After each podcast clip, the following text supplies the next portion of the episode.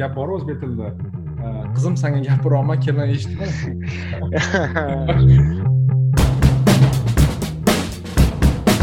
слишком oshirib такой догматично o'ylashyaptida? Ha oshiradi by default ya'ni nima deydi o'zbekchasiga default. Ya'ni hozir boshdan qaytarib yuboringda mana shunda. bu joyi kesib tashlaymiz sizncha assalomu alaykum hurmatli tinglovchilar. Navbatdagi podkastimizning epizodiga xush kelibsiz. Siz bilan har doimgidek men botir qobilov va va men behzod hoshimov. Behzod sizni ko'rib turganimdan xursandman. Zoomda har doimgidek biza siz bilan zoomda yozardik bir birimizni ko'rib lekin bu safar biroz boshqacharoq formatda ya'ni audio formatda eshitadigan tinglovchilarimizga yangi bonus. Shu epizoddan boshlab biza youtubega ham parallel ravishda epizodlarni yuklab borishga harakat qilamiz. Va shu bilan birga e, podkastimizga ozgina qanaqadir yengilliklar kiritiladi. Shu videoni ko'rishdan asosiy maqsad yoki video shaklida yuklashimizdan asosiy maqsad biza shu gaplashayotgan mavzularimizga yaqin bo'lgan yoki taalluqli bo'lgan там infografika skrinshotlar yoki kerakli tablitsalarni e, ko'rsatib borishga harakat qilamiz. Manimcha shu e, tinglovchilarga qiziq bo'lsa kerak. Ha manimcha ham ikkita narsa bor youtubega qo'yishi birinchisi bu o'sha grafikalarni ko'rsatish. Qanaqadir ham nima deydi masalan bir xillarda jadvallar yoki qanaqadir ham linklar yoki kitoblar haqida gapirishamiz o'shalarni qo'yib borish. Shu uchun aytmoqchi ko'p tinglovchilarimizdan so'ramoqchi bo'lganmiz. Agar siz bizani podkastni yaxshi ko'rsangiz va uni rivojlanishiga hissa qo'shmoqchi bo'lsangiz bizga bot telegram botdan yozing chunki bizga o'sha youtubega qo'yish uni e, tahrirlash bo'yicha ayniqsa video tahrirlash bo'yicha e, yordam kerak bo'ladi. Chunki o'sha e, aytilgandek grafiklarni jadvallarni nima deydi videoga yuklash va o'sha insonlarga anaqani ko'rsatish o'sha rasmlarni ko'rsatish imkonini beradigan bir hunaringiz bo'lsa xabar bering va o'sha podkastni rivojlanishiga o'z hissangizni e, qo'shing va e, shuni so'ramoqchimiz e, tinglovchilardan. Yana bir narsa botiraga youtubeni yaxshi tarafi podkastdan farqliroq. Bu youtubeni algoritmi nima deydi qidirib topishga va qanaqadir ham ixtiyoriy ravishda o'sha podkastimiz kimdirni lentasidan chiqib qolish imkoniyatini beradi. Podkast E, ilovalarni qiziq xususiyati shundaki podkastni eshitib yursangiz sizga e, nima deydi to'satdan bir e, boshqa podkast ko'rinib qolmaydi. Ya'ni bilsangiz bilasiz bilmasangiz bilmaysiz. Bizni ham podkastni kimdirlar biladi kimdirlar bilmaydi va youtubeni qilmoqchiligimizni asosiy maqsadlaridan biri masalan bizni kanalda o'qimaydigan yoki podkast tinglamaydigan insonlar ham tinglashga imkoniyat berish. Shu uchun biz eski barcha o'sha podkastlarimizni yuklab qo'yamiz. Ular audio shaklida bor video shaklida yo'q. Ularni yuklab statik bir rasm qo'yib e, qo'yishga niyat qildik. O'shanga e, shu e, kichkina ma'muriy yangiliklar bizni podkast haqida. Rahmat behzod logistikani zo'r tushuntirib berdingiz. Man ham xursandman shu yangi darajaga chiqargandan. Shu anons etgan algoritmni haqiqatda rostdan ishlaydigan narsa ekan xususan o'zingizni hoshimov iqtisodiyotdan bir misollarni keltirdingiz va undan tashqari masalan youtubeda besh olti yil oldin qanaqadir videoni adashib bosib qo'ygan bo'lsam haligacha o'shanga related video chiqib turadi shuning uchun umid qilamizki bizani eshitadigan yigirma ikkita yigirma uchta aktiv podkast tinglovchilardan ko'ra yigirma to'rtta odam eshitadi botir aka yigirma to'rtta uzr adashdim yigirma to'rtta odamdan ko'proq odam eshitishiga shu agar youtube yordam bersa biza o'zimizni podkastni ham biza odam ko'proq odam eshitishni asosiy maqsadi qanaqa o'zimizga qanaqadir disiplina bo'lardiki har hafta yoki undan ham tezroq yoki bitta mo'ljallangan vaqtda qilib turardik bizga bu ham qanaqadir rag'bat bo'lardi. Endi bugungi anaqa mavzular haqida qisqacha aytib o'tsangiz keyin sekin nima muhokamani boshlaymiz podkastimizni boshlaveramiz bo'ldi. Bugungi chislo o'n ikkinchi avgust biz uchta mavzu haqida gaplashishga qaror qildik. Birinchisi bu ingliz tilida aytiladi bu congestion pricing deydi ya'ni yo'l harakati va yo'ldan foydalanishda Э, uni narxlash siyosati bu birinchisi. Ikkinchi mavzu bu э, sud hokimiyati mustaqilligi va umuman sud mustaqilligi va sud tizimi haqida qisqacha gaplashamiz. Va uchinchi va oxirgi mavzuyimiz bu э, aqshdagi yangi qonun loyihasi xususan inflation reduction act deyiladi. Ya'ni inflyatsiyani qisqartirish inflyatsiya darajasini qisqartirishga mo'ljallangan bir qonun loyihasi haqida va umuman shu inflyatsiya atrofidagi aqshda bo'layotgan voqealar haqida qisqacha gaplashishga qaror qildik va umid qilamanki shu tartibda bugun gaplashamiz va qisqaroq qilamiz degan umiddaman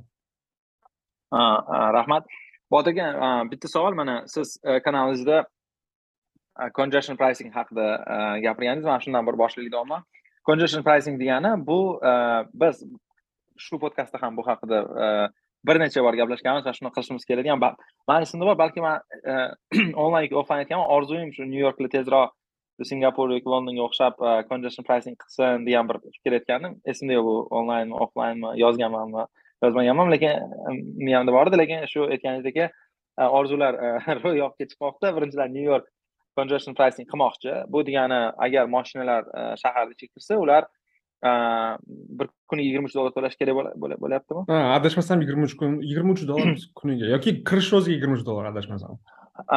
Shunaqa yangi narsalar chiqarishyapti. Sababi moshinani ijtimoiy zarari narxlangan bo'lishi kerak. Biz bilamiz har bir moshina boshqa moshinalar piyodalar va shahar uchun nima deydi xarajat olib kiradi va o'sha xarajatni biz narxlashimiz kerak. Hozirda ko'p shaharlarda buni narxlanmaganligi Э, keragidan ortiq moshinalar ko'payishi. Hozir shaharlar uchun congestion pricing ya'ni shunday e, tirbandlik narxlashi deb aytsak bo'ladi yoki tirbandlik narxi yoki e, e, nima deydi? Ha tirbandlik narxi desak ham bo'ladi. Shu tirbandlik narx tirbandlikni narxlashni sabablaridan biri bu ijtimoiy transportga aloqador loyihalarni moliyalashtirish va iloji boricha moshinalarni kerak keraksiz shaharga kirishini kamaytirish. Albatta nyu york bu narsaga boshqa mamlakatlar ancha kech kelyapti. Man shundan o'n ikki yil oldin singapurda yashardim o'shanda ham bor edi singapurda bunaqa narsa va ancha aqlliroq edi. Tizim qanaqa ediki? Shaharda ya'ni shahar markazida nechta moshina borligiga qarab turib narx o'zgarardi dinamik ravishda. Ya'ni bir xillarda sakkiz dollar bo'lishi mumkin bir xillarda o'n ikki dollar bo'lishi mumkin bir xillarda olti dollar bo'lishi mumkin. Ya'ni narx mavjud ediki. O'sha shaharda agar o'sha deylik masalan dushanba ertalab juda ko'p odam keladi. O'n ikki o'n uch dollar bo'lishi mumkin. Bir xillarda masalan shanba ertalab tekin ham bo'lib qolishi mumkin chunki deyarli moshina yo'q edi ertalab. Shu uchun nyu york mayli e, fiksatsiya qilingan narxda boshlayapti lekin bu boshlanishi o'ylaymanki shaharlarning dunyodagi shaharlarning kelajagi albatta shu chunki boshqa imkoniyat yo'q. Ayniqsa rivojlanish e, rivojlangan mamlakatlarda chunki moshina nisbatan olish oson mana singapurda juda katta soliqlari bor shunda ham ko'p odam boy bo'lgani uchun oladi. Nyu yorkda aytmasa ham deyarli har bir inson e, moshina sotib olishga e, qurbi yetadi va kim e, deylik metroda yoki avtobusda yurgisi keladi agar moshinasida bemalol yursa lekin o'sha moshinasida yurishi birovlar uchun shahar uchun tirbandlik uchun xarajat bo'lgani uchun shuni narxlash endi sizga mani aniq savolim. Toshkent shu narsa uchun tayyormi tayyor emasmi nima deb o'ylaysiz toshkent bu tirbandlikni narxlash siyosatiga tayyormi tayyor emasmi degan savolga Э, manimcha tayyor yoki tayyor emas emas balki majbur degan narsa e, manimcha yuzaga kelib chiqadi. E, tayyor tayyor emas deganga man aytishga qiynalaman lekin bunga majbur yoki vaziyat shuni taqozo qilyapti deb aytgan bo'lardim. Chunki e, biz toshkentni ko'ramiz masalan shahar markazida ayniqsa tirbandliklar kundan kunga oshib boradi. Ayniqsa akademik yil paytida masalan sentyabrdan maygacha bilamizki ko'cha to'la moshina tirbandlik va odamlar bunga shikoyat qiladi va kartadan ham ko'rsak bo'ladi masalan o'sha uchastka paytida. Manimcha toshkent bu yil keyingi yil ahamiyati yo'q. Man bilaman aminmanki bunga albatta keladi. O'sha shahar markazini umuman o'sha trafikni narxlashdan oldin muammo shundaki moshina shaharda ko'p yo'l kam. Talab katta va taklif kichkina buni yechishi yo'llari har xil masalan shahar markazini avtomobilsizlashtirish degan siyosat eng muhim bo'lsa uni usullaridan biri o'sha tirbandlikni narxlash. Manimcha albatta oddiy misol qilib aytsak toshkentda skver bor masalan amir temur xiyoboni. Atrofidagi yo'l man o'ylaymanki u avtomobilsiz bo'lishi kerak umuman. Kecha shu haqida o'yladim ishonasizmi ani ha ha mana shu krugga piyodalar e, yuradigan bo'lishi kerak bo'lgan yana bitta g'oya bor bradvey boru bradvey kelib anavi vestminster talab anaqa forumlar saroyi taraf ketgan ko'cha bor o'shani tamoman piyodalar ha mana shunaqa o'ylayman Chunki- bilmasdingiz shunaqa o'ylaysiz Man- kecha shu haqida o'yladimda great minds think alike nima deydi kamtarligi kamtarligi bo'lsa lekin shunaqa lekin birga o'ylaganimiz sababi chunki muammoda u yerda ham biz ko'p yurganmiz bilamiz hech qanaqa funksional narsani amalga oshirilmaydi masalan uh, shu skverdagi quruq atrofi piyodalar uh, piyodalar o'zi shahar piyodalar uchun bo'lishi kerakda. Masalan Yo, mana deylik, shahar insonlar uchun bo'lishi kerak. Shahar insonlar bo'lishi. Insonlar insonlar ah, ichiga ha- haydovchilar ham kiradi. Mana mana shu narsa to'g'ri aytdingiz sh- shaharlarimiz uh, insonlar uchun bo'lishi kerak xususan haydovchilar. O'zi moshinalarni um, yoki trafikni narxlash yoki shahar markazini avtomobilsizlashtirish deganda o'zi xususan haydovchilarni manfaatini ko'zlagan holda aytilyapti. Masalan haydovchilar aytishi mumkinki ey birodar nima deyapsan havodan pul qilib nimaga man cho'ntagimdan moshinada shaharni a nuqtasidan b nuqtasiga borsam nimaga pul to'lashim kerak? Havodan pul mandan olmayapsanmi ishlab olmayapsanmi deyishi mumkin bilmaydiki. Oxir oqibatda shu yo'lni to'g'ri narxlash va avtomobilsizlantirish siyosatini olib borish natijasida yo'llar bo'shay bo'shay bo'shay bo'shaydi va o'sha moshinada yurishga majbur bo'lgan yoki balki moshinada yurishni xohlagan odam o'sha narxni to'lab bo'shroq xavfsizroq va manziliga vaqtida yetib boradigan yo'ldan bemalol foydalanishi mumkin. Mana mana shu narsa uh, muhim uh, jihatlardan biri deb o'ylayman chunki boshida instinktivno haydovchilar aytishi mumkinki hozir nyu yorkda ham aytdingiz nyu yorkda Ha. ham siyosiy qarshi qarama qarshilik bor masalan albatta Ah. albatta. Singapur- lobbisi juda ham kuchli. Masalan singapurdan farqli ravishda aqsh bilamiz avtomobil atrofida qurilgan mamlakat.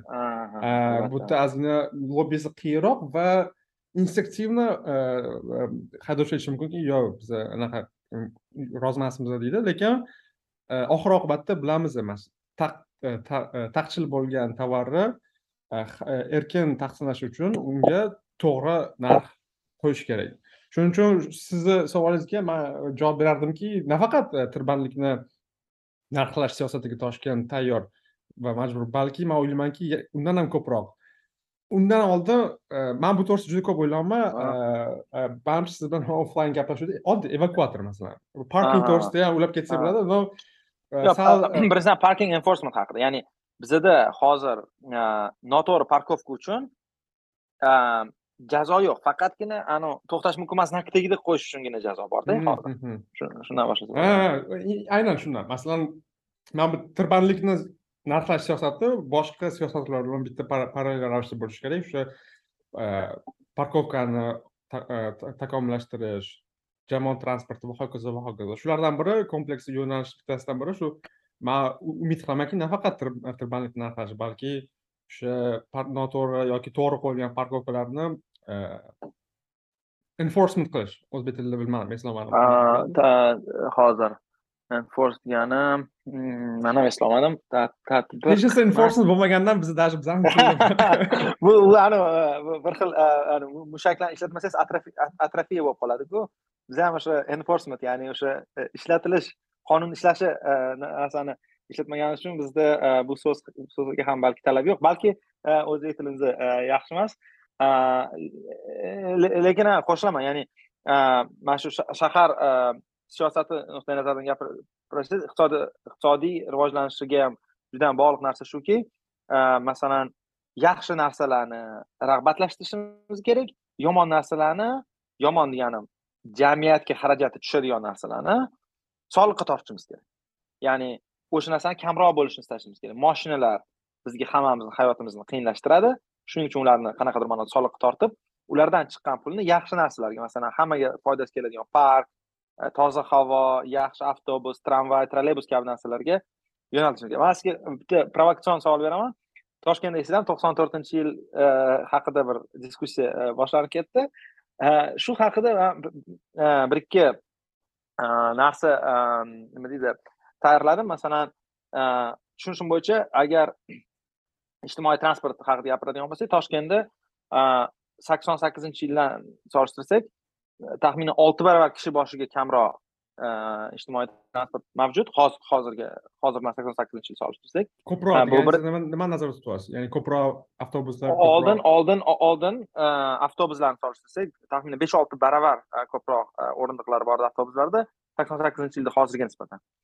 E, buni qisman bu moshina yo'llarida odamlar yurishi deb e, aytishimiz mumkin. Bilamiz e, toshkent endi to'rt bilan solishtirsak bundan bir o'ttiz yil oldin. Bir yarim baravar yashilroq edi ya'ni gazchiliklar orqasida.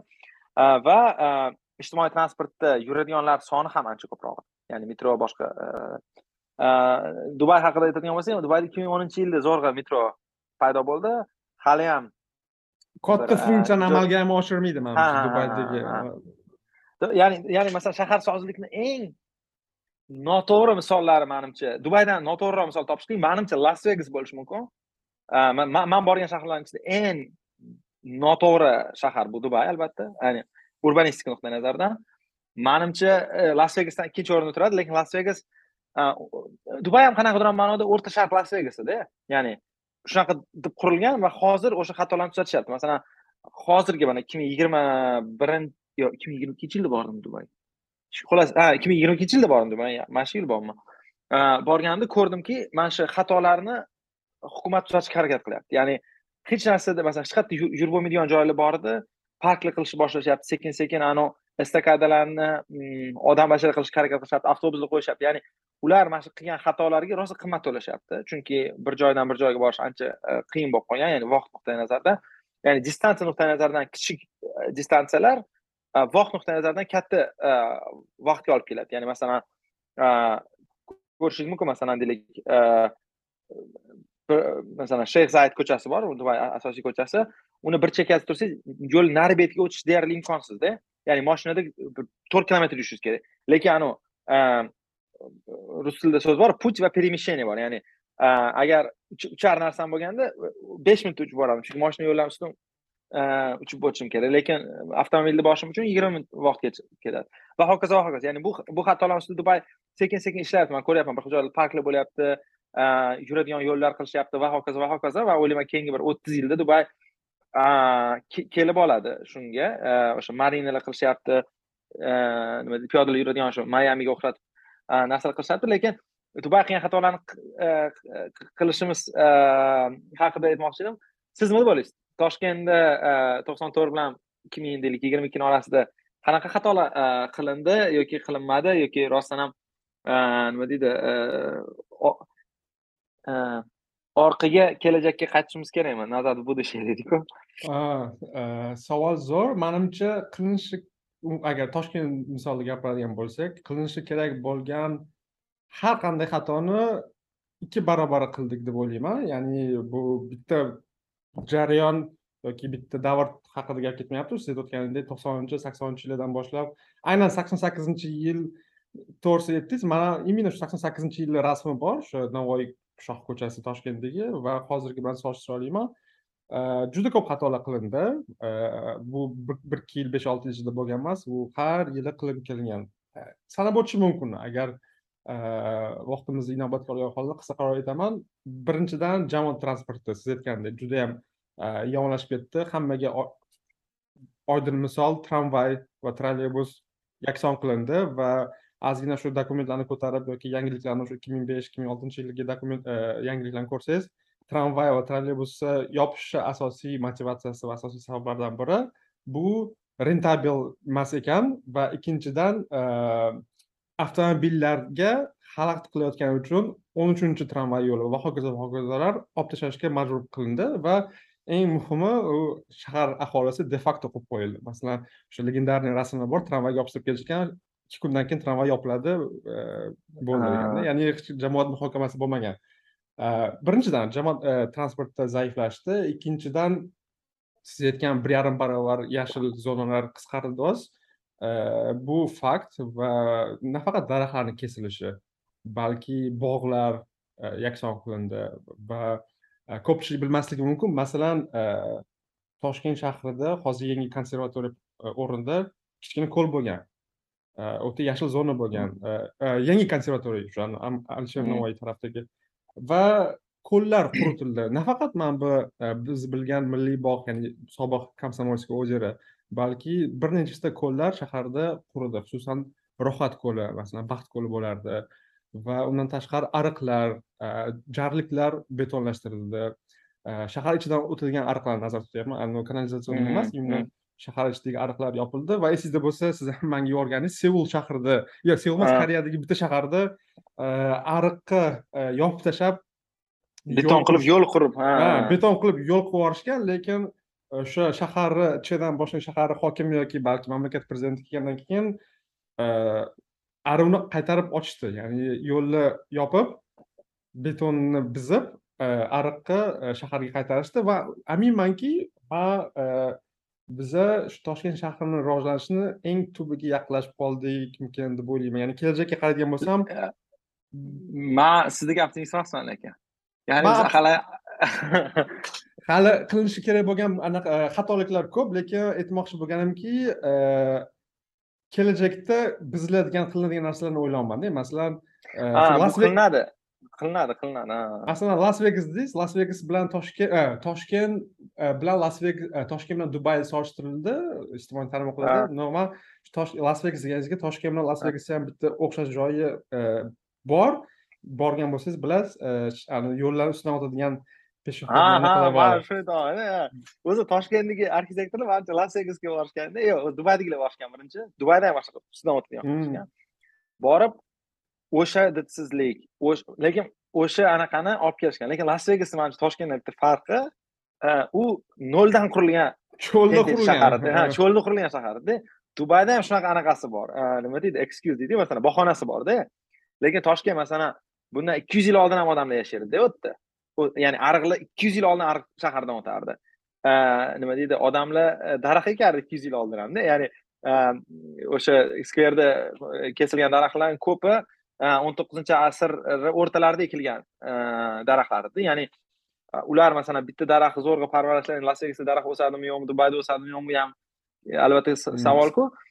Zo'rg'itdan ekishadi biz biz bor narsani dubay qildik. Ya'ni mana shu narsani dubay qilib tashlayapmizda lekin shu dubay qilishi kimdir ya'ni buni yomon ma'noda dubay qilib tashladi demoqchiman ya'ni qilib tashlash bu bu bu so'kinish emas lekin barbod qilishdagi so'zda chunki cho'lda noldan qurilgan shaharda yetarlicha ko'llar bo'lmaslik hozir ko'llar haqida ham gapirdingiz. Masalan dubay oxirgi sezgan narsam juda ko'p joydan shahar ichidan suv o'tkazishyapti. Ya'ni ko'rsatuvdingiz manga sun'iy sun'iy sun'iy ravishda masalan yo'q joylardan o'sha anaqadan dengiz bor ularda dengizdan shahar ichiga suv o'tkazishadi chunki o'sha boyagi e, gaplashganimizdek anavi e, haroratni e, ushlab turadigan narsa ko'llarda ya'ni toshkentda ko'llar kanallar mavjudligi. Keyin anaqada ham ko'llar bor edi. Endi u sovet hozirgi tashqi ishlar vazirligi joylashgan joyda park bor edi. O'sha skver buyoq tarafda toshkent shahar hokimiyati bo'lgan qachondir ham. Keyin oqsaroy o'sha karimov rezidensiyasi ham qachondir park bo'lgan hozir ham lekin parkroq zaborli park zaborli park ha aksariyat parklar zaborli. Man aytmoqchi bo'lganim toshkent haqida siz aytyapsiz tubiga keldik bo'ldi bu yog'i уже faqat tepaga ketiladi gapimni man bunchalik optimistman man bunchalik ozgina gapimni qaytarib yuboraman kelajakka ya'ni kelajakka qaraganda ya'ni masalan keyingi yuz yilga qaraganda masalan. agar uzoqroq diapazon oladigan bo'lsam ellik yil deganimda man aminman masalan nomini aytmayman betonlashtirilgan ko'llar ustiga qurilgan savdo markazlari buziladi. Chunki qaysidir joylar qirq to'qqiz yilga arendaga berilganda masalan agar ellik yilga borsangiz man bilamanki kelajak shahar avlodlari bizni qilgan xatolarni tuzatish uchun betonlashtirilgan qimmat to'lashadi lekin buni man aminmanki qilishadi. Ko'llarni qaytarishadi jamoat transporti rivojlanadi. Yo'l shahar markazidan o'tgan formula bir poygasi uchun mo'ljallangan o'n polosali yo'llar qisqaradi va jamoatchilik bilan muhokama qilinadi xolos. И mana shu narsalarga qaraganda man biroz optimistman lekin hali bilamizlar qilinishi kerak hali ancha pastga tushish borda ancha bor. Yana ko'p narsa betonlashadi. Man qanaqa ma'noda bu haqida o'ylayapman masalan shu singapur haqida desa masalan singapur bor jakarta borda bir biridan qirq minutlik e, yo'l anaqada samolyotda. Jakarta nihoyatda katta shahar juda toshkentga o'xshaydi e, ko'p ma'noda ya'ni tarixiyroq boshqa. Nihoyatda keng ko'chalari ayniqsa asosiy ko'chalar lekin doim tirbandlikda. Shunchalik tirbandlikdaki odamlar masalan moshinasida mashinasida anavi yostiq pastiqlab anaqa samolyotga olib ketgan yostiqlar qo'yib qo'yishgan chunki ko'pincha probkalarda uxlash kerak chunki bir xil probkalar bor uch soatlab e, davom etadi. Va shu shaharda Ehm, ehm, hozir uni tez yordam mashinalari haqida yana bir gaplashsak bo'ladiyu lekin umuman shahar deyarli yurmaydi ayniqsa ish kunlari. Ehm, A, shundoqqina singapurda deylik shahar markazidan aeroportgacha bir o'n besh minutda yetib olasiz ja bo'lsa yigirma minutda. Jakartada bir yarim soat va omad sizga tilayman degan anaqa ma'noda. Ya'ni qachon kelishingiz noaniq. Shunchalik noaniqki man mm, anaqada markaziy bankda bir uchrashuv bo'lgan jakartada mani kursdoshim o'tdi ishga kirgan keyin aytganki jakartaga kelsang kel markaziy bankka olib kiraman monetar siyosat departamentiga degan man borganimda o'sha markaziy bank yonidagi mehmonxona olganman bilganmanki probka bo'ladi xullas vaqtida kelganman ular hayron qolgan qanaqa vaqtida kelding san turistsanmi degan chunki biza sani taxminan bir soat kech qolasan deb o'ylaganmiz degan ya'ni shu darajada masalan uchrashuvlar masalan soat o'nga belgilanadiyu o'n birda kelsangiz ham unaqa bir ja bir yomon ish qilgandek bo'lib qolmaysiz. Yoki masalan o'sha to'yga ham borgandim ani diapazon beriladi masalan. Ikki bilan to'rtni orasida kelsa normal a, e, deyishdi. Manga shu juda juda qiziq ko'rindi. Va o'ylaymanki masalan toshkent ham shu ketishda hali jakarta bo'lib qolishimiz imkoni bor. Jakartani toshkentdan farqli e, taraf tarafi shuki birinchisi benzinga ko'p subsidiya qilingan o'zbekistonga o'xshab. Ikkinchisi a, daromadlar jakarta tez o'sganda bir e, bundan bir o'n yil oldin. Va shuni o'sish darajasida odamlar hammasida moshinaga imkoniyati bo'lgan va moshina olish boshlagan. Lekin hamma jakartaliklar jakartada moshina arzon benzin arzon yo'l arzon bo'lishi bilan singapurni sevishadida ya'ni vaholanki yo'l qimmat moshina qimmat boshqa shuni aytmoqchimanki qanaqadir e, ma'noda ixtiyoriy jakartalikdan so'rasangiz singapur yaxshimi jakartami yani shahar nuqtai nazaridan desangiz albatta singapur deydi. Lekin e, o'zlari masalan hop kelaylik singapurdaga qilaylik e, benzinni subsidiyasini desa mm, mushkul. O'sha aynan a, o'sha markaziy bankdagilar aytgan shu to'qson sakkizinchi yildagi inqiroz bizga yordam bergan ekan markaziy bankdagilar sal bo'lsa ham o'sha benzinga subsidiyalarni kamaytirishga yordam bergan. Chunki inqirozdan oldin bu narsani agar aytsangiz hamma bir anaqa to'polon qilardi ya'ni ularda ham Mhm. demokratiya anaqa emas keyin inqiroz bo'lganda o'sha e, inqiroz sharaf sharofati bilan ya'ni pulimiz yo'q davlatda o'shanga subsidiyalarni kesamiz degan a, g'oya ya'ni xohladimi xohlamaydimi qabul qilishga majbur bo'lishgan. Ya'ni aytmoqchimanki toshkent hali jakarta bo'lib o'sha ikki soatlab probkada turishimiz manimcha kelajagimiz va judayam ancha qiynalganimizdan keyin e, nimadir qilamiz. E, jakarta nima qilgani haqida aytmoqchiman. A, E, ular yo'l qilgan. a, jakartada bilasizmi nima bo'lyapti jakartada yangi a, indoneziya yangi poytaxtiga ko'chyapti. Ya'ni jakartadan ha ha bildim ya'ni ha. shunchalik bloombergda chiqdi ulashmoqchi edi A, bu- bu shunchalik shahar to'xtadiki u manimcha necha yildan beri manimcha nechta administratsiya almashib ketdi. Bu loyihani manimcha endi oxir oqibat amalga oshirishni boshlashyapti ya'ni shunchalik shahar to'xtab rasvo bo'lib ketdiki poytaxt ko'chyapti.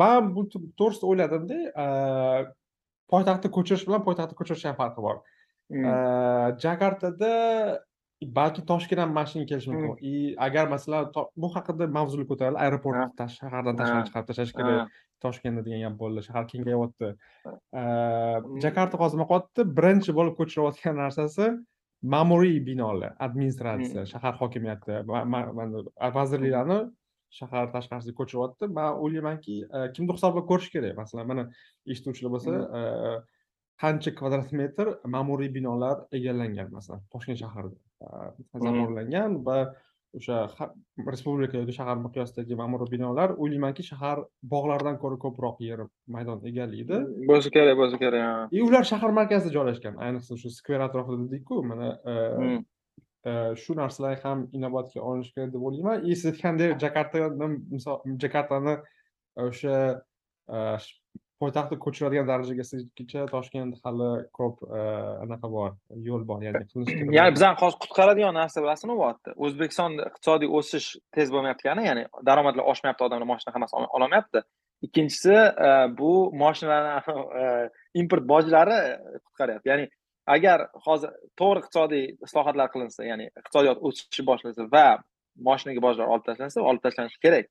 E, shunda toshkent to'xtab qoladi. Ya'ni toshkentni kambag'allik qutqaryapti xolos hozir kollapsdan да ya'ni odamlar erkin moshina olishni boshlab olsa oddiy moshina olish oddiy narsaga aylanib qolsa albatta shahar birdaniga to'xtab qoladi. Endi mana shu поворотный ya'ni o'sha burilish nuqtasi bo'lsa kerak deb o'ylayman. Chunki odamlar ham o'sha qaraydi ya'ni insentivlarga qaraydi ya'ni odamlar bilib endi keyin sotish qiyinroq bo'ladi deb o'ylayman. Qani masalan hozir deylik shahar deylik yigirma foizda moshina bor masalan.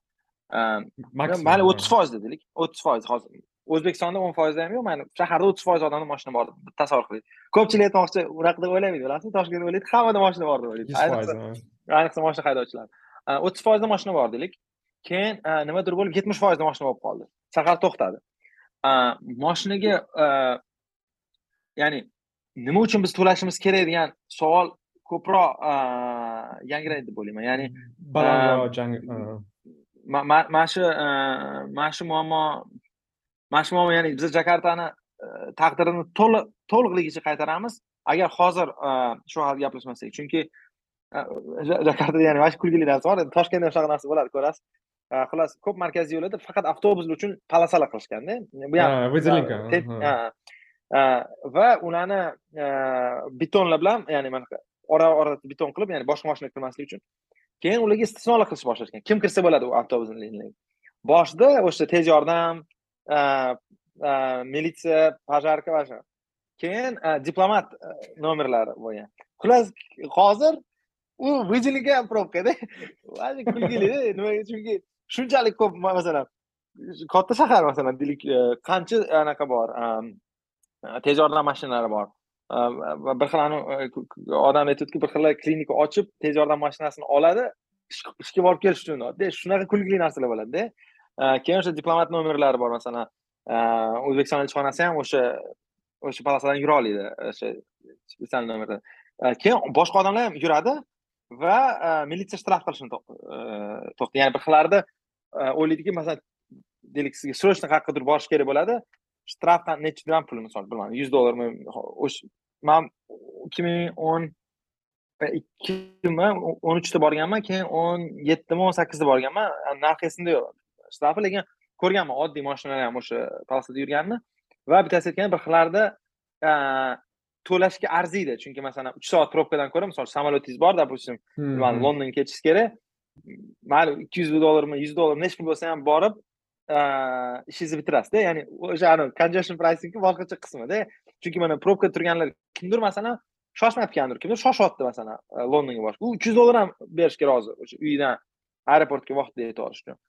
Kimdir ikki soatdan keyin ham chiqa oladi lekin narx bo'lmagani uchun hammasi bir paytda chiqadi hamma bir biriga xalaqit beradi va boyagi gap o'sha avtobusda yoki ijtimoiy transport ya'ni jamoat transportida yurishni anaqa qilib qo'yadi o'shanga o'ylayapman toshkent shu ketishda jakartaga aylanadi va jakartaga aylangandan keyin jakarta necha yildan beri jakarta haliyam o'sha masala yechilmayaptida man jakarta hozir siz gapirayotganingizni tez eslab ko'rdim.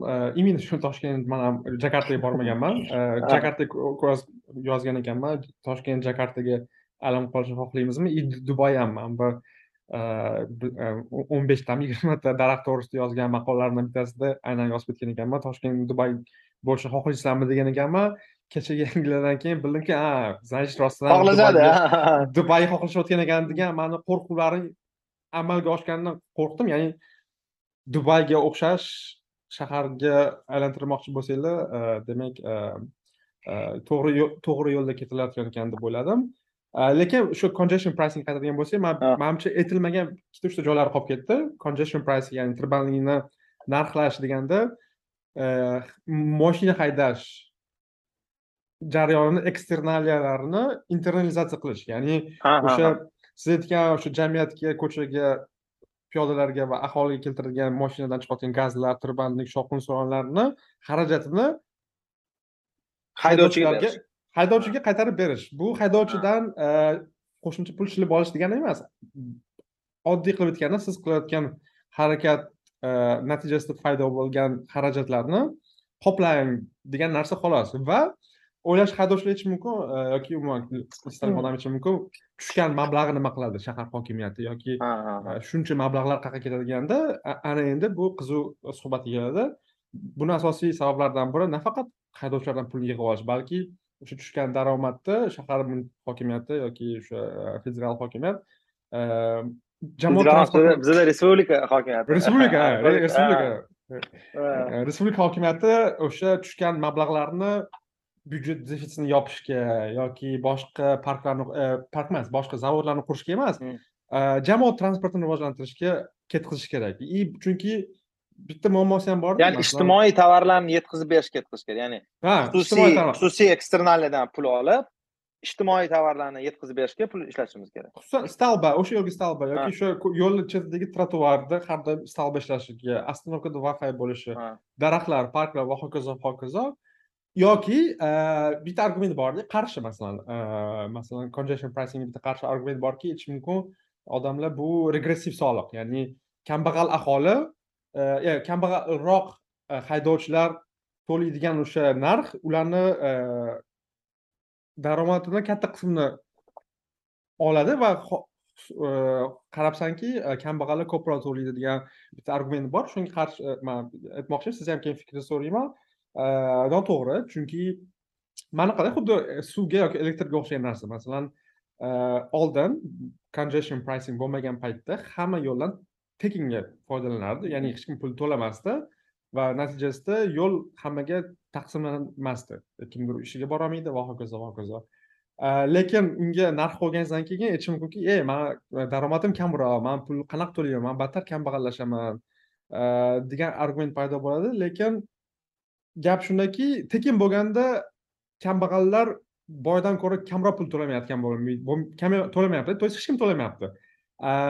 Mana shu narsa mana shu narsa tagida qolib ketyapti. Chunki pulli qilish natijasida boyroq qatlam rozi bo'lgan narxini to'laydi va o'sha pul? Byudjetga byudjetga tushgan pulni eng in the worst case deymiz eng yomon vaziyatda shu shahar hokimiyati shu kambag'alroq aholiga masalan cash transfer qilsa tekin bo'lgan vaziyatdan ko'ra yaxshiroq bo'lardi. Ya'ni xuddi o'sha biza har doim aytadigan narsamiz suv elektr yoki istalgan taqchil narsani tekinga hammaga qilgandan ko'ra unga adolatli narxni belgilagan holda undan tushgan pullarni kambag'allarga tarqatish va ular o'sha pulni qanaqa ishlatishini o'zlariga qo'yib berish ancha ancha to'g'riroq yechim bo'lardi deb o'ylayman o'zi argument ham shunaqa yani masalan toshkentda va boshqa joylarda ham boyroq odamlarda moshina ko'proq va ular shaharga ko'proq boradi ko'proq to'laydi.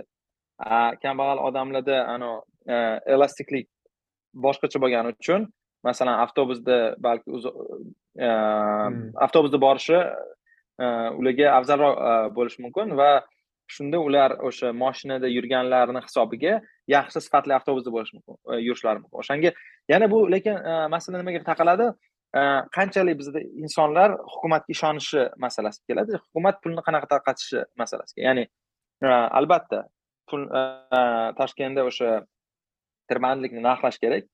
E, hech kim bu haqida manimcha qarshi fikr bildirmasa kerak. Hamma biladi parkovkalarni pulli qilish kerak. Endi savol yig'ilgan pulni qanaqa tarqatamiz? Normal jamiyatda u pulni o'sha shaharda saylangan deputatlar qayerga yo'naltirishni belgilashadi. U deputatlar biladiki masalan bir xil mahallalarda suv muammosi bor bir xil mahallalarda masalan avtobus kelmasligi muammosi bor. Shu kabi narsalarga ya'ni o'sha avtobus liniyalarini oshirishadi va hokazo. Ya'ni avtobus jamoat transportini rentabellik masalasi kun tartibidan ketadi. Chunki rentabelligini e, ular haqiqiy ijtimoiy e, tovar kabi e, yetkazib berishadi. Yoki masalan daraxt ekish ham rentabel narsa emas. Lekin daraxtni jamiyatga foydasi katta. O'shaning uchun public goods ya'ni ijtimoiy tovarlarni xususiyati shundaki ulardan hamma manfaat oladi. Lekin e, nima deydi uni narx xarajati bir odamni gardanida o'shanga ular qilinmaydi. Ya'ni nima uchun hamma park qilmaydi? Chunki parkdan butun jamiyat foydalanadi butun shahar foydalanadi lekin bir odam uni ekish kerak uni parvarishlash parvarishlash kerak. O'shanga biz hukumat ya'ni davlat degan narsa o'ylab topganmizki o'shanaqa ijtimoiy tovarlarni bizga yetkazib bersin. Masalan havo xavfsizligi kabi. Ya'ni havo xavfsizligi o'sha pvoda turishi deylik hammamizga foyda. Tepadan hech qanaqa bomba tushmaydi lekin xarajatlarini biz o'sha yig'ib bergan pulimiz orqali moliyalashtiramiz. Bu tipik o'sha iqtisoddagi ijtimoiy tovarlar masalasi. O'shanga siz aytayotgan narsa eksternaliyalarni ya'ni tashqi ta'sirlarni yomon tashqi ta'sirlarni narxlagan holda biz ijtimoiy tovarlarni moliyalashtirishimiz kerak. Endi biz deganda kim? Albatta bu shahar kengashi. Shahar kengashi hozir bizda hokimlar uni boshqarishadi hokimlar uni a'zosi va bu bu bu asl muammo deb o'shanga man bu jakarta haqidagi diskussiyada ham o'ylaymanki agar toshkent va o'zbekistonda parlamentlar normal ishlashni boshlasa ya'ni shahar parlamenti rayon va mamlakat unda bizni hozirgi gapimiz yoki boshqa jamoatchilik vakillarini gapi parlamentariyligi yetib borishi imkoniyati kattada. Ya'ni bir inson yoki bir institut nima to'g'ri noto'g'riligi emas. Qanaqadir ham mulohazada narsa kelishiladida ya'ni toshkentda nechi pullik tirbandlik narxini qo'yamiz yo'llarni qisqartiramiz ham kengaytiramiz ham avtobus qo'yamiz ham avtobus qo'ymaymiz ham chunki u yerda saylov boshlanadi. Shu uchun o'ylaymanki ikkinchi mavzuga kelyapmiz. Ya'ni davlatda hokimiyatlarni ajratish mavzusi juda zo'r link bo'ldi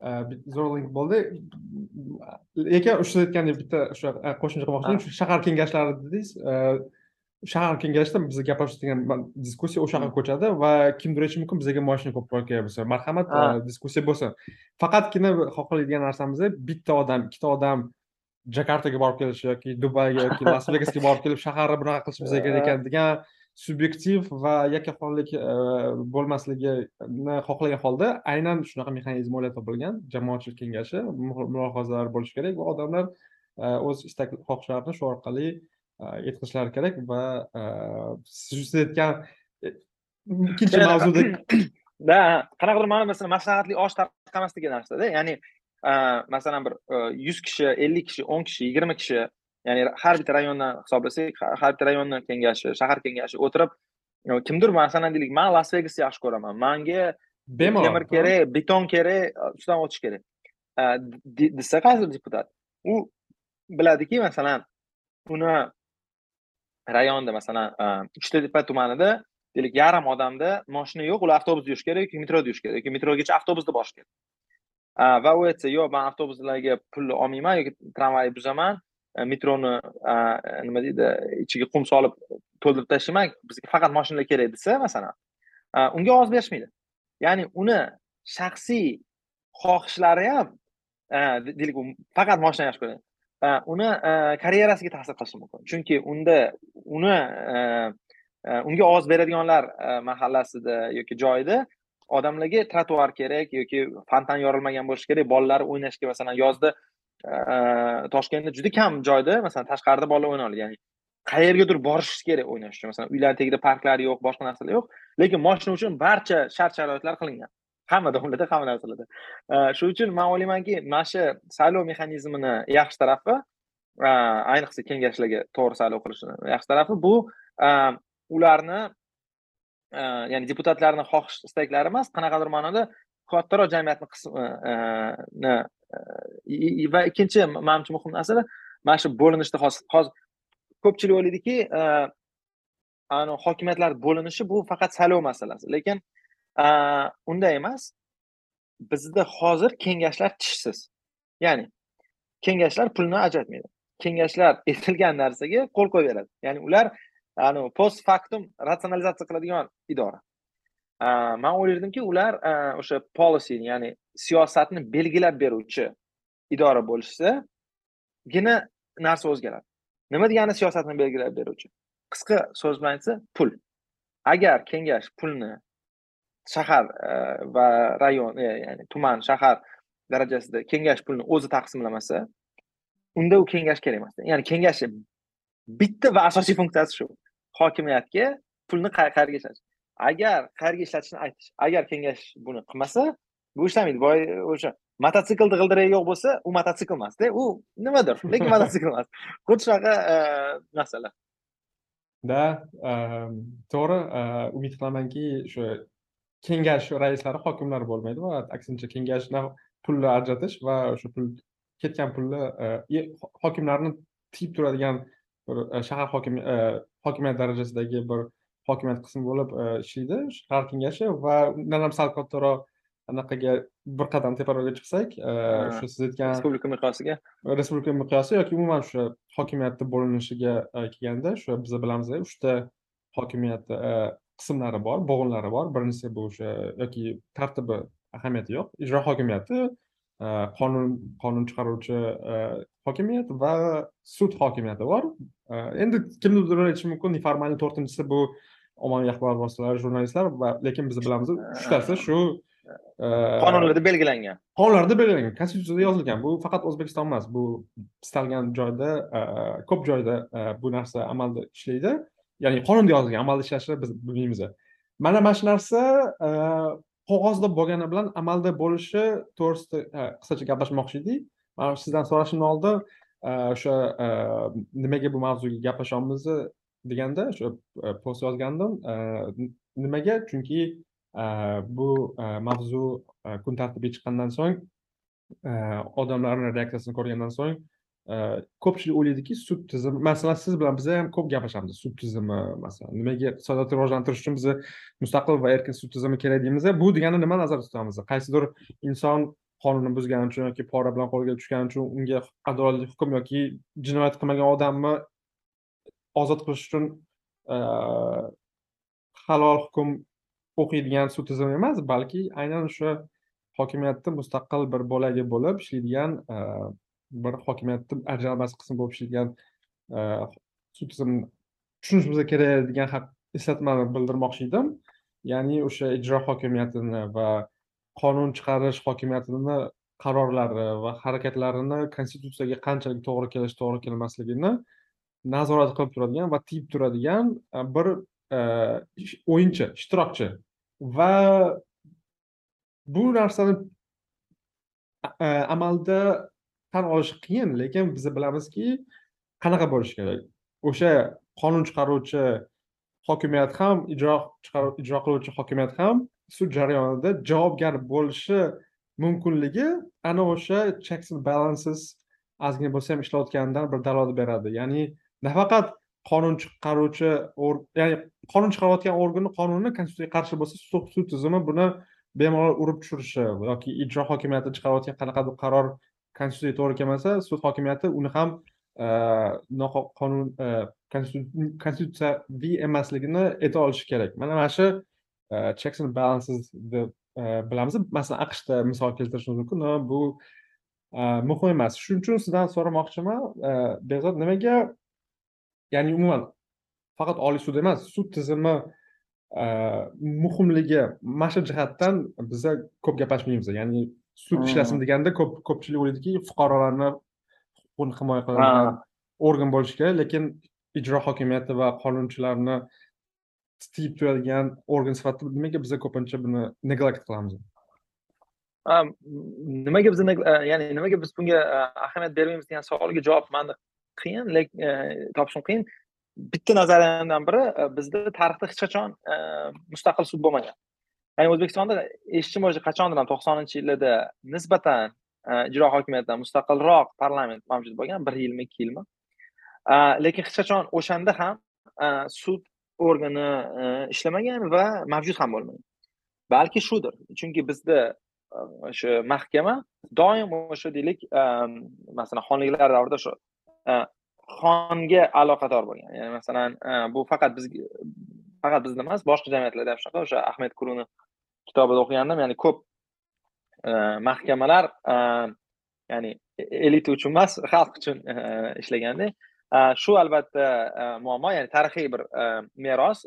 Sssrda ham sud albatta to'laqonli davlatga bo'ysungan. Shu ma'noda yaxshi bir kitob bor zapiska advokati degan sovet advokatini kitobi bir ikkita epizodlar toshkentda ham bo'ladi u yerda sovet sud tizimi huquq tartibot organlari ishlashi haqida bir juda juda chuqur izchil diskussiya mavjud man o'ylaymanki bizni qilgan ya'ni o'zbekiston mustaqillikdan keyin qilgan katta xatolardan biri ham shu ya'ni biz ijro hokimiyatiga mutlaq hukm berib qo'yganmiz va konstitutsiyaviy konstitutsiyaviy mulohaza ya'ni konstitutsiyani eng muhim narsasi o'sha aqshda konstitutsiya yozganda ham aytgandek bu hokimiyatni bo'linishi ya'ni ijro hokimiyatini eng muhim qismi bu kuchlatish organlari ularga bo'ysunish ya'ni bu xavfsizlik xizmatlaridan tortib armiyagacha bir bir odamga yoki o'sha aqshda prezidentlik institutiga aqshga parlamentar respublikalarda o'sha parlament tomonidan tayinlangan bosh vazirga nima deydi bo'ysunishidan boshlanadi va ikkinchisi bu o'sha parlament va sudlar o'sha nihoyatda ko'p hukmga ega ya'ni kuch ishlatish organiga kuch ishlatish organlari bo'ysunadigan institutni tiyib turish mexanizmlari orqali nima desam ekan qanaqadan belgilanadi ya'ni qanaqadir ma'noda e, konstitutsiyani g'oyasi ham aynan tegib turishdi. Ya'ni o'sha respublikani respublika qiladigan narsa bu e, necha yil e, kim hukumatda bo'lishi emas masalan o'ttiz yil bo'lib ham respublika bo'lishi mumkin. Uch yil bo'lib ham respublika bo'lmasligi mumkin. Bu qanchalik hukm nima deydi chegaralanganligida ya'ni o'sha chegaralanish manimcha eng muhim narsa. Masalan chegaralanishni o'lchash qiyinu lekin bir ikkita anaqalar bor tashkilotlar bor. Masalan world justice project rule of law ya'ni qanchalik qonun ustuvorligi. qonun ustuvorligi ta'minlangani bo'yicha hisob kitoblar qilishadi masalan o'zbekiston haqida ham man uni topib qo'ydim. Ko'ryaptimi sizga? Ko'ryapman mana bu world justice ikki ming yigirma birinchi yilniki man sizni ahamiyatingizni mana bu narsaga e'tibor berishga harakat qilardim. Qarang Uh, constraints on government powers deganda ya'ni uh, hukumatni uh, nima deydi hukmiga mavjud bo'lgan chegaralar degan reytingda biz eng pastdamiz o'zimizga nisbatan ya'ni bir yuz yigirma birinchi o'rin bizdan yomonroq o'n sakkizta mamlakat bor. Endi bu mamlakatlar ichiga biz biladigan juda ham yovuz bir mamlakatlar ham kiradi bizdan yomonroqlari bor. Lekin masalan bizda korrupsiya muammosimi boshqami desa manimcha eng eng katta muammo mutlaq ya'ni bu narsada mutlaq anaqa mana shu hukumatni hukumatni tiyib turuvchi institutlar va qanchalik hukumat ochiqligi bu endi ma'lumotlar ochiqligi boshqa narsa kabi ya'ni bu yerda boy biz ko'p narsa haqida gapirishamiz masalan pul ketkazilishi haqidagi diskussiya yoki nimaga ketkazilishi haqidagi diskussiya ham ko'rsatib turibdi. Ya'ni aytmoqchimanki endi bu nafaqat deylik biz buni ko'ramiz balki hamma bu ochiq ochiq ma'lumotlar hamma biladiki o'zbekistonda muammo shundaki ijro hokimiyati ya'ni government deganda bu ijro organlari deyarli hech qanday chegaralarga ega emas va masalan ularni tiyib turuvchi bo'lgan institutlar masalan sud va parlamentlar deyarli tishsiz bu manimcha o'zbekistonda yashovchilar yashaydiganlar uchun yangilik emas. Hamma biladiki bizda masalan ijro hokimiyati nima desa shu bo'ladi. Masalan sudga borsa ham mana eshitgansiz masalan hokim sudyani urgani haqida diskussiyalar bor masalanda va hokazo va hokazo. Vaholanki sudyani qonuniy haqqi bor deylik uni e, ozodlikdan mahrum qilishganda qanaqadir ma'noda.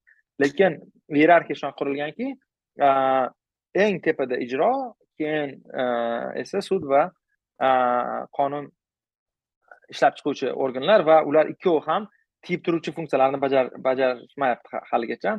Man o'ylaymanki o'zbekistondagi eng muhim islohotlar ham manimcha shunga taalluqli bo'lishi kerak. Ya'ni o'sha ikki tashkilotni o'sha ikki hokimiyat bo'g'inini asl vazifasi tiyib turish vazifasiga qaytarish va ularni o'sha e, ularga o'sha funksiyalarni qaytarib berish. Ular hozirgi ahvolda uni masalan o'zlari ola olishmaydi.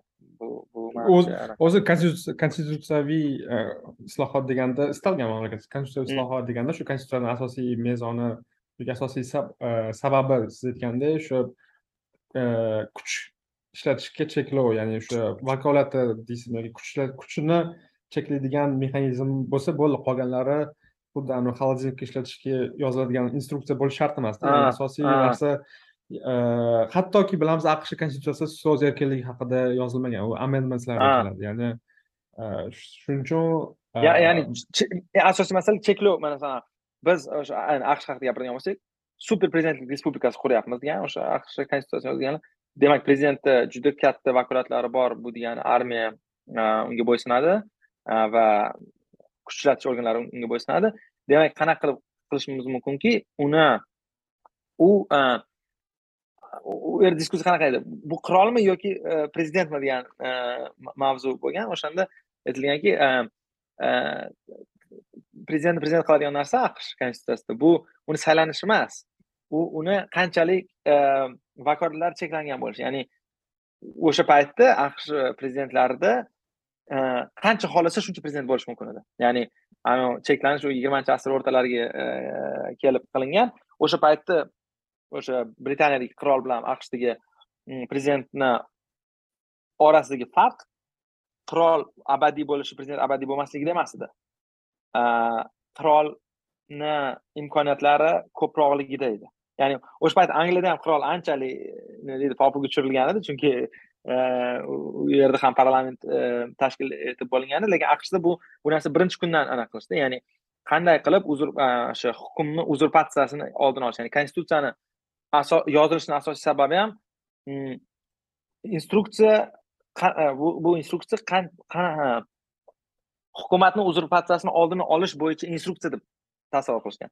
Nima qanaqa bir narsa o'ylab topishimiz mumkinki hukumat uzurpatsiya bo'lmaydi e, yakka hokimlik e, paydo bo'ladi ya'ni ularni asosiy deylik qo'rquvi o'sha konstitutsiyani yozganlarini u yakka hokimlik edi va jumhuriyatga eng katta tahdid ham yakka hokimlik deb o'ylashganda manimcha shunaqa bir shunaqa bir fikr orqali fikrlasak o'shandagina hokimiyat uchga bo'linishi qanaqadir oydinlashadi deb o'ylayman.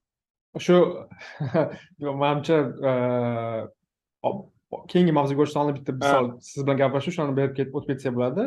Kontekst shu aqsh to'g'risida gaplashamiz eslatib o'tamiz masalan bilamiz ikki uch yil oldin yo uch to'rt yil oldin aqsh donald prezidenti o'sha paytdagi prezidenti donald tramp har qanday qarorlar chiqarib turardi shulardan biri biza bilan esimizda o'sha aholisini aksariyati musulmonlar bo'lgan yettita sakkizta mamlakatlar aholisi yettita sakkizta mamlakatni fuqarolari aqshga kirishni taqiqlab qo'ydi masalan somali yoki eron va shu qaror orqali kongressda kelishilmagan bu o'sha ijro hokimiyatini qarori jamoatchilik oldi juda katta qarshiliklarni chiqardi va undan ham muhimrog'i e, sudlar. Odamlar sudlarni kutishdiki qachonki qaysi sud qaysi okrugga qaysi sudyasi e, bu qarori noqonuniy konstitutsiyaviy va qachonki uni e, muddatini va uni ishlaydiganini to'xtatib qo'yadi degan savol chiqdi va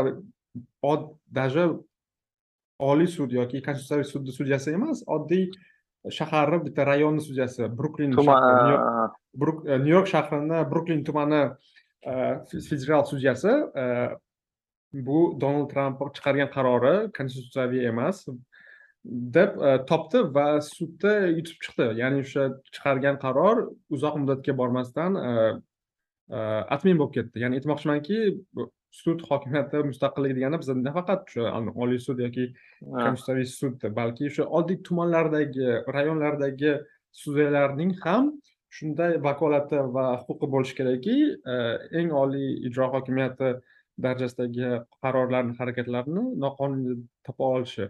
Shuning uchun mana shu misol yoki gavayi to'g'risida ham boshqa misollar bor edi. Mana shu manimcha bitta misol bo'la oladiki qanchalik muhim qandaydir bir kichkina sudya kichkina sudya tuman sudyasi. Tramp deganku. Anaqa sudyacha deganmi nima sudyacha man auzida ishlatganlar ko'rmayapti. Qo'sh tirnoq ochyapman air quotes. Qanchalik kichkina sudya ijro hokimiyatini qarorini yo'q qilib yubordi ya'ni bu degani nima uchun? Bu ijro hokimiyatiga qarshi siyosiy instrument emas balki Э, bu uni qarori faqatgina konstitutsiyaviy emasligini э, ko'rsatib bera oldi xolos. Ya'ni ya'ni ijro hokimiyati ham qonun ishlab chiqaruvchilarni ham tiyib turadigan ma'noda qanaqadir ma'noda ular e, adolatni instansiyasi bir xil oxirgi instansiyasi.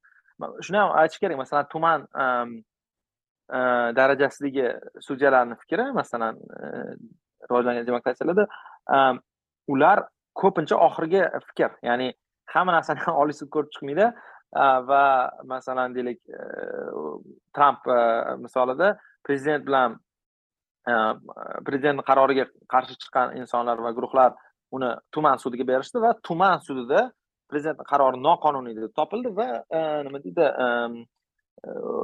uni ijrosi to'xtatilishga majbur bo'ldi. Ya'ni buni undan bir ikki marta so'rashmadim bu nima uchun muhim? Chunki chegara funksiyasi bu ijro hokimiyatiga tegishli. Ya'ni cbp o'sha chegara mm, va bojxona deylik. Xizmati to'g'ridan to'g'ri o'sha ijro hokimiyati ya'ni prezidentga bo'ysunadi. Lekin prezident rahbarlarini tayinlaydi shuni ham tayinlaydi ha ya'ni o'sha ularni rahbarlarini dhs ya'ni o'sha ichki ishlar vazirligiga o'xshagan bir tashkilot bor. Uni rahbarlarini prezident tayinlaydi senat tasdiqlaydi. Shu idoraga berilganida o'sha qaror prezident qarori o'sha idoraga shuni ijro qilishga ya'ni mana shu mamlakatlardan kelgan insonlarni kirgizmaslik bo'yicha qaror berilardi.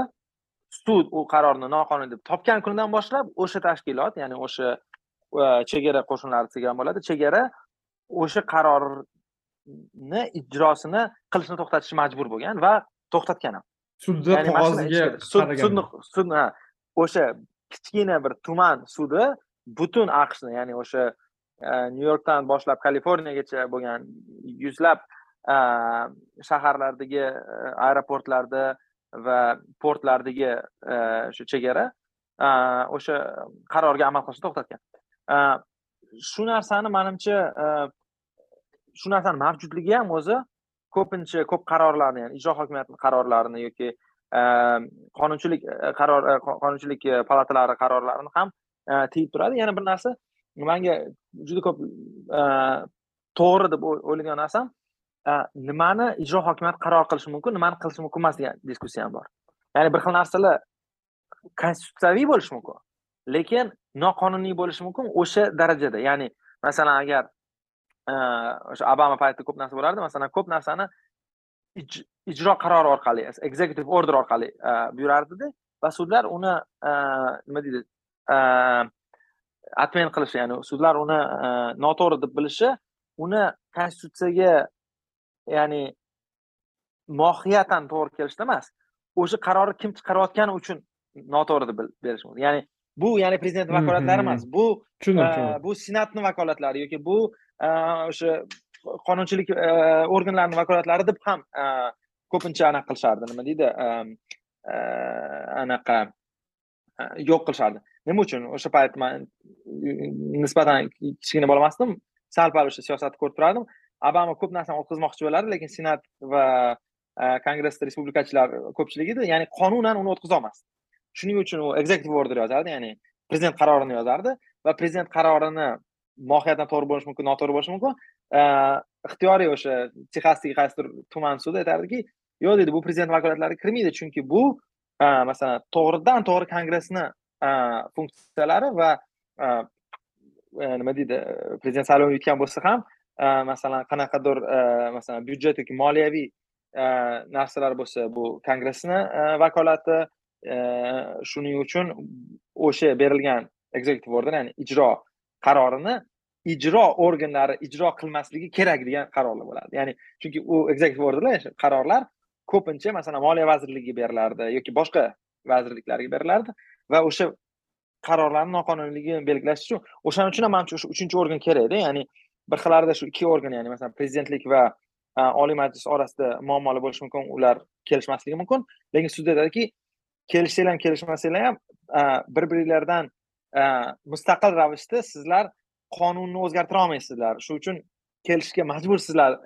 Ya'ni ularni kelishga majbur qiladi. Chunki ular ham qaror qabul qilsa prezident qo'l qo'ymasa u qonun ishga kirmasdi. Ya'ni shu mexanizmi bir xillarda yevropaliklar gridlock deydi. Ya'ni aqshda ko'p qonun o'tkazib bo'lmaydi chunki o'tkazish uchun ham senat ham kongress ham prezident qo'l qo'yishi kerak lekin nimadir ma'noda bu juda ham tentakcha qonunlarni o'tishini oldini oladi to'g'ri bir xil yaxshi qonunlarni o'tishini ham oldini olishi mumkin. Chunki sizga yoqadigan siyosatchilar o'sha kongressda o'tirmayotgandir.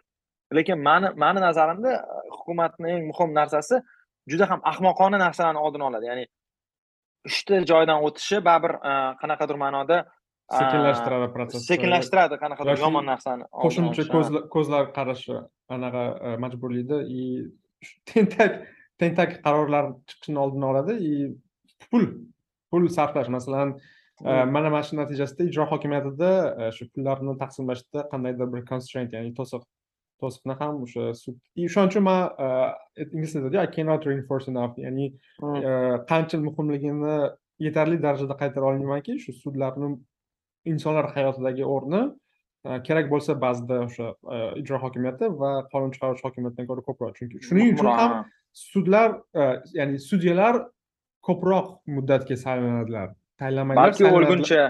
Balki o'lguncha masalan bilamiz ginsburg o'lmaguncha sudyalar ketmaydi. Ikkinchi masala masalan qancha uni haqida gaplashsa bo'ladi. U haqida отдельно gapirishsa bo'ladi chunki u ham biza controversial. Masalan man qo'shilayman sudyalar butun umr saylanmaslik lekin aynan o'sha ijro hokimiyati ta'siri natijasida sudyalar qaror chiqarmasligi uchun ijro hokimiyati kelib ketadi lekin sudya bitta sudya o'tiradi. Ya'ni hozir tramp tayinlab ketgan oliy sud sudyalari haligacha o'tiribdi. Ha masalan tramp tayinlab ketgan sudya anaqa chiqardimi? Tramp uyini tintuv qilish bo'yicha qaror manimcha shunaqa bo'ldi fbr fbr fbr ham u tomonidan tayinlangan edi ha fbr ham u tomonidan tayinlangan ya'ni nafaqat mustaqil balki hatto o'sha ijro hokimiyati tayinlangan lavozimdagi odamlar ham bitta so'z bor edi loyal nima deydi o'zbekchasiga sadoqat sadoqat ya'ni sadoqatli bo'lib qolmaydi ya'ni siyosatchiga sadoqatli bo'lib qolmaydi qonunga sadoqatli bo'ladi ha qonunga hatto uni tayinlagan ijro hokimiyati vakiliga ketgandan so'ng yoki lavozimlarida sadoqatli bo'lmaydi yoki ikkinchi misol jerom pavel masalan hozir ko'pchilik aytadiki siyosat iqtisodiyot uzr iqtisodiyot bitta joyga kirib ketyapti va buning sababi o'sha federal markaziy bank olib borish federal rezerv ha. respublikani saylovchi shunaqa deydi bilishmaydiki jerom pavelni tramp nominatsiya qilgan ya'ni tramp paytida nominatsiya bo'lgan tramp paytidagi senat uni rozi bo'lgan. Lekin kimdir o'ylashi mumkinki demokrat prezident keldi demokrat administratsiya keldi demak fed o'z siyosatini qarshi olib boradi yoki bayden pavel olib tashlaydi degan gaplar bo'lishi mumkin. Yo'q markaziy bank mustaqilligi davom etyapti va jerom pavel u siyosatchiga emas o'sha prinsiplarga va fed mandatiga qarab ishlayapti mana shu haqida yana ko'p gaplashsak bo'ladi mana shu mustaqillik haqidachi bu manimcha bu отдельный mavzu lekin bu to'g'risida ham juda muhim narsa markaziy bank mustaqilligi aytmoqchimanki masalan mana sudni mustaqilligi yoki markaziy bank mustaqilligini asosiy sababi ular siyosiy o'yinlarni o'ynamasligi kerak ya'ni ular ani saylanish ani nima uchun markaziy bank ko'p yilliga saylanadi?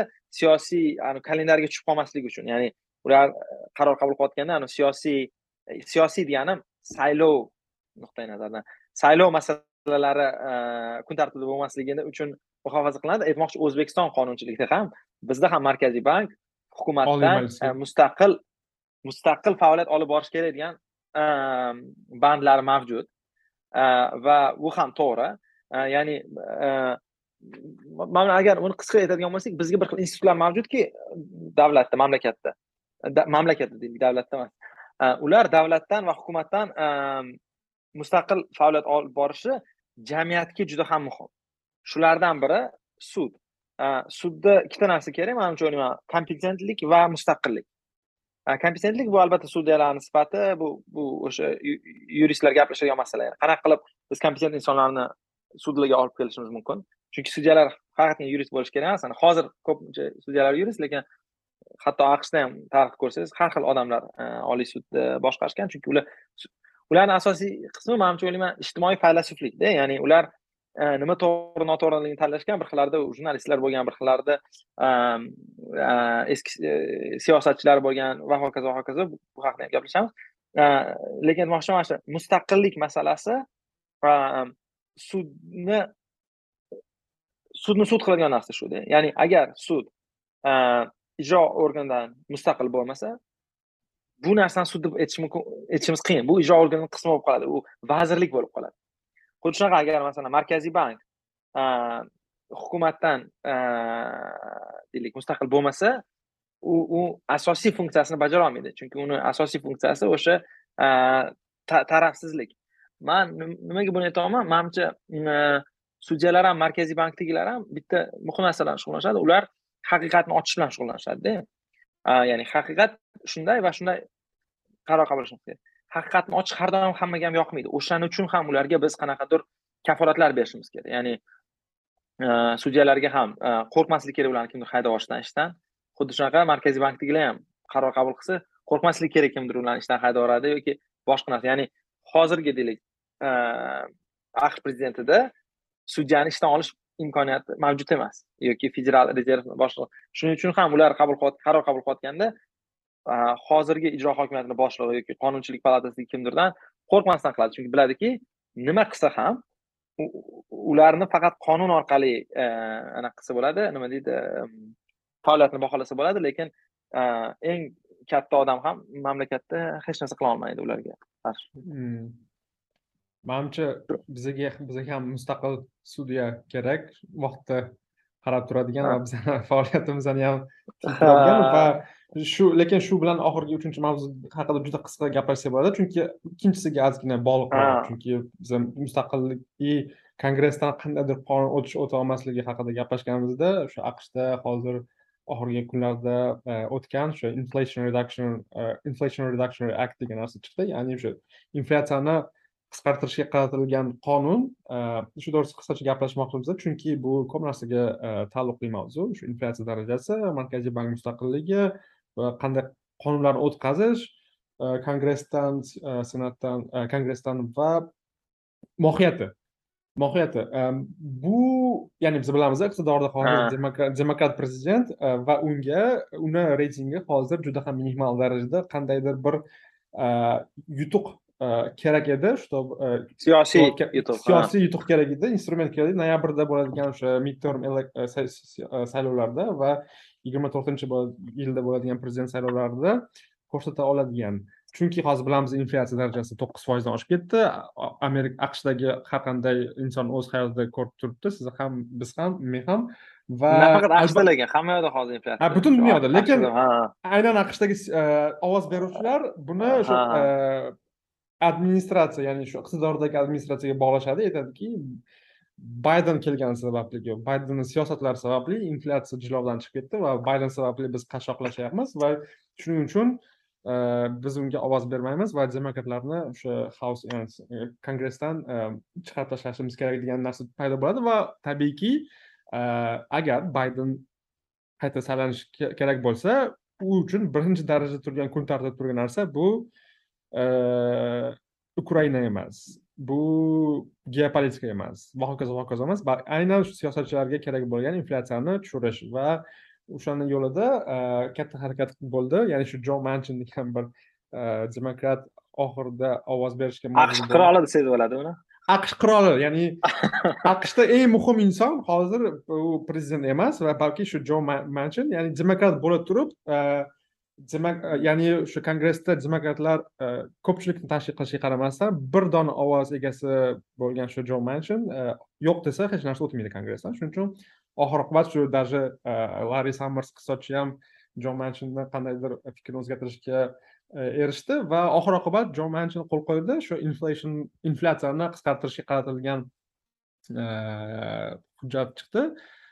O'sha haqida qisqa gaplashishdan oldin man ko'rsatmoqchiman ya'ni mohiyatini u nimalar haqida bitta skrinshotni ko'rsatyapman audioda eshitayotganlar ko'rmasligi ko'rmayotgan bo'lishi mumkin lekin youtubedagilar video orqali ko'rayotganlar ko'rishi mumkin. Ya'ni bir varaqda o'n birinchi avgustga ko'ra inflyatsiyani qisqartiradigan qonun nima deganda mana shuni ko'rsatish mumkin asosiy maqsad inflyatsiyani tushirish lekin asosiy maqsad boshqa ketib qolgani to'g'risida gaplashamiz maqsad yetti yuz o'ttiz yetti million yetti yuz o'ttiz yetti milliard tushumni ko'paytirish va to'rt yuz o'ttiz yetti milliard xarajat qilgan holda umumiy defitsitni uch yuz milliardga yopishni ko'zda tutilgan va agar xarajatlarni birma bir qarab chiqsak qiziq narsalarni ko'ramiz masalan tushumdan boshlaylik qisqagina qayerdan tushum keladi deganda soliqlarni oshirish ya'ni o'sha e, korxonalar to'lagan soliq darajasini oshirish va to'rt yuz mingdan ko'proq yiliga oylik oladigan e, uy xo'jaliklaridan soliqlarni oshirish evaziga e, va aqsh soliq qo'mitasini kuchini oshirish natijasida ko'proq soliq tushumlari evaziga bir yuz yigirma to'rt milliard keladi va hokazo va hokazo. Lekin behzod masalan qarasangiz mana bu investitsiyalar kesimiga deyarli uch yuz yetmish milliard dollar bu energetika sohasi va atrof muhitni o'zgart atrof muhit bu uchinchi uzr hozir gapingizni bo'laman bu uchinchi bo'yicha baydenni klimat haqidagi g'oyasini boshqacha stiker bilan qabul qilib yuborishganga o'xshaydi aynan aynan. Mana shu mana shu narsani man ko'rsatishimdan sabab ayniqsa fantik ya'ni qog'ozni qanaqa qilishdan qat'iy nazar ichini ochsangiz bu asosan o'sha saylovoldi va'dasi va hokimiyat paytidagi va'dalardan biri climate changeni qanday qilib bo'lsa ham yetish va umuman yashil sektorga qilgan va'dalarini ustidan chiqish uchun aholiga bu inflyatsiyani tushiramiz deb sotmoqda lekin mohiyati bu o'sha o'sha siyosiy siyosiy va'dasini ustidan chiqish va o'sha yashil sektordagi donorlarni xursand qilish deb ham manimcha anaqa ham ko'p uni saylovchilari bir xil shtatlardagi base deydiyu saylov bazasi juda ham mana shu yashil g'oyalarga qiziqqan. Manimcha o'sha baza uchun ham bu muhim ha albatta chunki mana sizlarga qandaydir va'da beruvdim mana qildim degandek va'damni ustidan masalan trampdan farqli ravishda man o'z va'damdan chiqdim deyish uchun ham berish kerakda va nomi inflyatsiyani tushiradigan akt degan narsa albatta bu jozibali va va internetda masalan ko'p iqtisodchilar skeptik qarashyapti. Bu agar o'sha congressional budget office ya'ni shu kongressdagi o'sha byudjetni taqsimlash ofisi chiqargan hisobotga ko'ra bu skrinshotni keyin videoda qo'yib qo'yamiz bu hujjat natijasida inflyatsiya yiliga nol bir foizga tushar ekan ya'ni o'ndan bir foizga tushar ekan shuning uchun anavi gregory manku ham yozdi boshqasi ham yozdi bu o'rtoqlar kelinglar o'zimizni aldamaylik degan kam yozadiyu lekin yaxshi yozadi yoqadi yaxshi yozadi shuning uchun sizdan savolda masalan subsidy agar tagiga negizga qaraydigan bo'lsak shu energy sektoriga subsidy beryapti yoki boshqa sohalarga subsidy beryapti buni tagida quyidagi assumption yo'qmi? Ya'ni quyidagi nazariya yo'qmi? Faraz. Xususiy sektor qila olish qila olmayotgan va xususiy qila olmaydi bu sohaga investitsiya. Shuning uchun davlat subsidiyasi kerak degan faraz yotadimi mana shu orqali. Ha ya'ni ixtiyoriy davlat Э, subsidiya qilishini ma'nosi shundaki bozor yaxshi ishlamayapti ya'ni rag'batlar to'g'ri taqsimlanmagan boyagi masalan moshinalar ko'p ko'p yursa bozor e, yaxshi narxlamayapti shuning uchun kimdir kelib narxlab berish kerak e, degan ma'noda ya'ni bu ma'noda subsidiya degani o'sha bozor yetarli darajada qimmat deb baholamayapti o'shanga investitsiyalar kam o'shanga uni jozibadorroq qilish uchun e, nima deydi atam anaqa harakat. Shuning uchun manimcha ya'ni bu to'g'rimi yo'qmi bu bu shubhali ha. juda shubhali lekin shunaqa shunaqa o'ylash ularda mavjud ya'ni ular o'ylayaptiki ya'ni qabul qilganlar shunaqa o'ylayaptiki agar biz bunaqa qilmasak bozor buni yetkazib bermaydi deb o'ylashyapti man bunga sal skeptikroq qarayman lekin ularni fikri shunday. Man skeptikroq qarashim hali man ham skeptikman bilaman bu to'g'risida bilaman siz nega skeptiksiz man ham ba'zida bu ishlaydi masalan operation warp speed masalan vaksinalarni bozorga zo'r zo'r ishlagan narsa davlat aralashuvi davlat subsidiyasi aralashgan chunki bozor buni yetkazib bera olmasdi chiqara olmasdi. Shuning uchun ya'ni u kafolat berganda biz sizlar ishlab chiqarsanglar biz sizlarga shu fiks narxda sotib olamiz deganda ya'ni rag'batni yaratib bergan bir xillarda ishlaydi to'g'ri но qoida tariqasida ishlamaydiyu bir xil istisnolarda ishlaydi. Anaqa manchi bunga ovoz bergani manga qiziq man narsa ko'rsatdik bir iyulda yozgan ekanman mana anaqa kanalimda. Xullas mamlakatni barcha narsani hal qiluvchi inson jo manchin yozgan e, e, to'qqizinchi iyun ikki ming yigirmanchi yil. Keyin yana bir yozgan ekanman e, topib qoldim. Tak mana oktyabrda xuddi shunaqa ya'ni mana bu klimat e, masalasini manchin hal qiladi degan. E, xuddi shunaqa ham bo'ldida. Ya'ni uni klimat deb emas inflyatsiya deb e, nom berishdi lekin manimcha o'sha o'sha qonunda ko'p mana bunaqa shu narsalar anaqalar bor mana bu ko'mirga ko'mir ishlab chiqarishga diskussiya boshlansa hammasi o'sha bitta odam manchinni e, saylovchilariga yoqadimi yoqmaydimi degan ma'noda e, bo'ldi. Shu manimcha qiziq bir siyosiy iqtisodiyot mana shuni ham bir kimdir yaxshi narsa yozgan bo'lsa kerak bir o'qish kerak topsam o'qirdim. Chunki ha deyarli yakka hokimlik bo'lib qolgan ya'ni o'sha senat senatda chunki kongress baribir hozir demokratlarda. Hmm, bu haqida manimcha отдельно обязательно bir gapirsak shu shaxs shu shaxs atrofida va umuman fenomen atrofida qanday qilib Э, o'z partiyadoshi э, o'sha iqtidordagi partiya iqtidorda bo'lgan e, ijro hokimiyatiga qarshi ovoz berish mumkinligi to'g'risida. Man mana shu haqida bitta narsa aytmoqchiman. Man demokratlarga nisbatan e, ko'pchilik e, manchinni anaqa deb o'ylaydida то есть demokratik partiyani a'zosi va qarshi ovoz berishi g'ayritabiiy deb tuyuladida. Lekin manimcha nihoyatda tabiiy chunki manchinni alternativasi nima deydi nima bo'lsa ham respublikachida. Ya'ni e, e, safe seat emasda ya'ni nima desam ekan xavfsiz saylov o'rindig'i emasda manchinda shuning uchun man o'ylayman manchinni shunaqa tanqidi unchalik unchalik produktiv emas chunki agar deylik e, masalan statistik nuqtai nazardan o'ta respublikachi o'tirish kerak edi o'sha g'arbiy virjiniyada lekin shunaqa bo'lib qoldiki sal nima deydi o'sha omadi kelib qoldi demokratlarni demokrat senator o'tirib. Ular uni xuddi massachusetsdagi senatordagi tanqid qilishadida.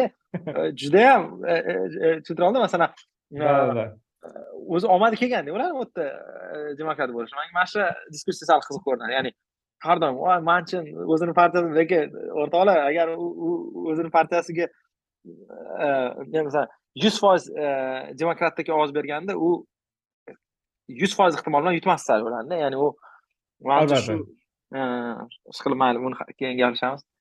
Albatta manimcha vaqtimiz ham ha juda ko'payib ketdi.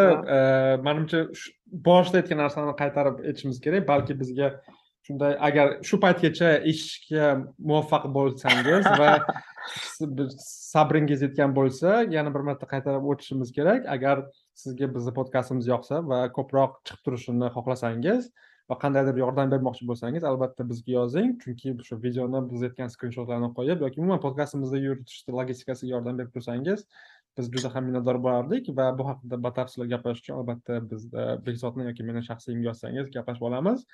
Va umid qilamanki bugungi birinchi e, youtube slash audio formatda bo'lgan podkastim sizga yoqadi. Behzod manimcha audio faylni birinchi sразу upload qilib yuboramiz va ha ha keyin keyin keyin youtubega qo'yamiz youtubega qo'yamiz shuning katta rahmat hammaga sog' bo'ling va botir aka tinglovchilarga rahmat agar shu yergacha eshitgan bo'lsanglar yana ko'proq minnatdormiz chunki buni ehtimoli kam balki bu shunaqa dizayn qilingan agar agar siz agar siz o'sha yigirma uchta inson bo'lsang yigirma uchta insondan bittasi bo'lsangiz kattakon rahmat bizni eshitib borayotganingiz uchun agar ko'proq odamlarga ulasha olsangiz minnatdor bo'lamiz va behzod rahmat sizga ham vaqtingizga va tinglovchilarga ham eh, rahmat. Keyingi epizodlarda ko'rishguncha xayr.